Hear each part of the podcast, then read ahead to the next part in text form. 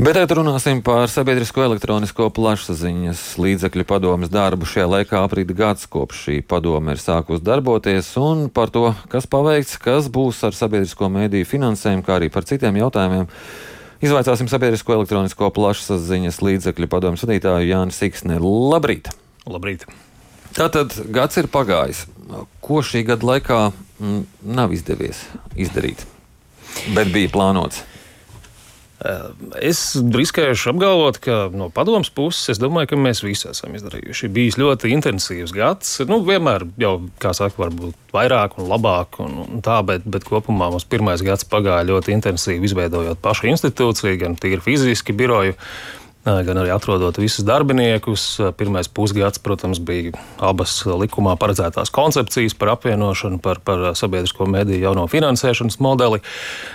Pirmais pusgads bija arī galu galā mums ir jauns pirmais sabiedrisko mediju ombuds Latvijā. Ir, ir abiem medijiem pirmo reizi galvenie redaktori. Nu, otrais pusgads mums pagāja vairāk, protams, Ukraiņas notikumu zīmē, diskusijās par, par, par, par to, kā vajadzētu uzrunāt krievu valodīgu auditoriju. Nu, šeit, šajā jautājumā, gan es droši vien būtu gribējis citu rezultātu, bet kopumā Es domāju, mēs esam darījuši, ko varējuši, izdarījuši pietiekami daudz. Nu, žēl, ka abas koncepcijas nekāda nav pavirzījušās uz priekšu. Eh, kopš iesniegšanas februāra sākumā nu, to procesu gan man liekas, ka mēs īsti nevarējām ietekmēt. Eh, šeit mums ir jāgaida saimas nu, zaļā gaisma, teiksim, kaut vai jautājumā par, par apvienošanu, tā arī par finansēšanas modeļa maiņu. Nu, skatīsimies, vai to var izdarīt vēl šajā saimā, vai ir jāgaida nākamā. Nu, tā īsumā. Tātad no padomas puses izdarīts viss, uh, no kuras puses tad nav izdarīts. Saprotu, tad uh, apvienošana un finanšu modelis tas ir tagad dēļ saimnes iesprūdis.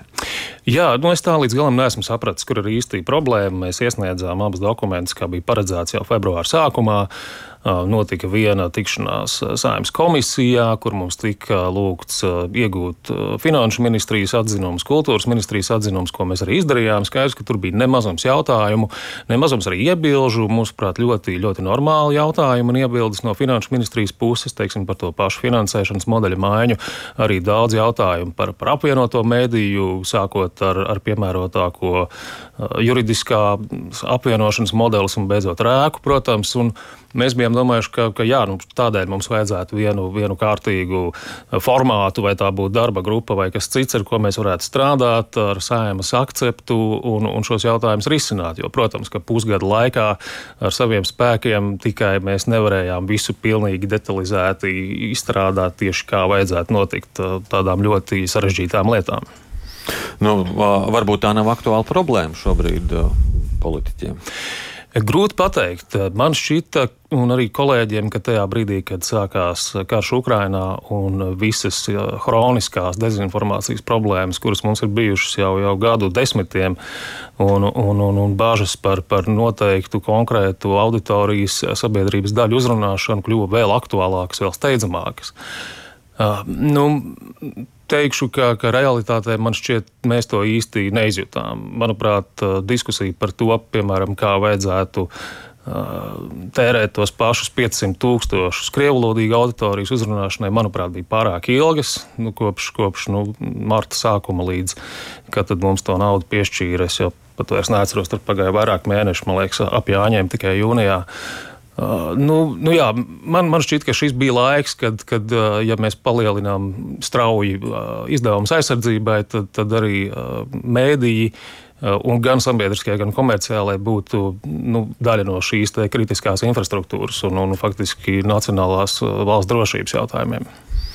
Tur ir vienkārši politiski neinteresē sabiedriskie mēdīji šajā jautājumā kā tādi, vai nav izpratnes par to, par to nozīmību un šiem jautājumiem. Es domāju, ka līdz galam, ja godīgi, nav izpratnes. Es negribētu šeit vainot konkrēti politiķus. Es domāju, ka ir, tas ir viens no mūsu lielajiem darbiem, ko mēs jau no paša sākuma sapratām un arī definējām, ka vienkārši ir vairāk jāskaidro, kas ir sabiedriskie mēdīji, kāda ir loma, kāda ir nozīme. Šī ir institūcija, kura nu, varbūt vienīgā vai viena no nedaudzajām vispār definē demokrātisku valsti. Mums var būt ļoti labas dažādas infrastruktūras lietas, tur gludi autoceļi un, un, un pieejama veselības aprūpe, bet tas nepadarīs šo valsti par demokrātisku, par tādu, kurā ir vārda brīvība, kurā ir viedokļu daudzveidība. Un to mēs redzam, ka tajās valstīs, kurās ir spēcīgi sabiedriskie mēdīji, arī visas citas lietas ir daudz augstākā kvalitātē, tā skaitā arī ekonomiskā labklājība. Līdz ar to nu, tas ir tas, pie kā mums ir jāstrādā lai parādītu, nu, ka sabiedriskie mēdīji ir pelnījuši īpašu uzmanību, īpašu uzmanību ka, ka no tā iegūs visas sabiedrības grupas. Uh, Krievlodīgās auditorijas uzrunāšana šī pieminētā Ukraiņas kara kontekstā, tas rūkumiņš par nepadarīto, tas saistīts ar to kavēšanos ar naudu, ja tur ir vēl kaut kas? Ne, nu, tā ir tā diskusija, kas jau publiski ir izskanējusi. Proti, ka, ka Latvijas televīzija un, un, un Sepela padomu to atbalstīja, piedāvāja izveidot jaunu uh, kabeļu televīzijas kanālu Krievijas valodā, kas mums šķita šajā nu, konkrētajā situācijā tāds, tāds arī lētāk, nu, pietiekami lēts. Un, un varētu būt pietiekami efektīvs veids, kā uzrunāt krievlodīgu auditoriju. Nu, politiskā līmenī tika pieņemts lēmums uh, to nedarīt, bet uh, nu, jāatzīst, ka nauda mums tika piešķirta. Latvijas televīzija šobrīd un Latvijas radio uh, strādā pie tā, lai, lai rudenī jau visticamāk nāktu ar jauniem formātiem, kā mēs varētu ar šo auditorijas daļu runāt. Tā kā nu, nav jau tā, ka viss būtu tikai slikti, un, un es arī noteikti gribētu izteikt pateicību par to, ka, ka valdība atrada iespēju kompensēt sabiedriskiem mēdījiem to tos izdevumus, kas radās tieši Ukraiņas kara notikumu atspoguļošanā. Ja, tas arī atbalsts ir bijis šajos, šajos mēnešos, arī, protams. Tagad priekšā nākamā gada budžets būs iespējams panākt sabiedrisko mediju vajadzībām šo finansējumu, jo saprotu, ka politiķi ir daudz, kas uzskata, ka sabiedriskos medijos ir pietiekami daudz naudas ieguldīts būs attīstībai, atalgojumai? Nu, tā tagad stāv nākamā lielā cīņa mums priekšā. Nu, protams, ka, ka nav gana daudz. Nu, tas tā ir. Nu, nu, skaties, kā gribi. Latvija ir mm, viena no vis, vismazāk finansētajām attiecībā uz sabiedriskajiem medijiem. No šī mums ir pamazām jātiek ārā. Iepriekšējos gados tiesa, protams, ir spērti soļi pareizajā virzienā, bet noteikti nav izdarīts tas, kas būtu jāizdara.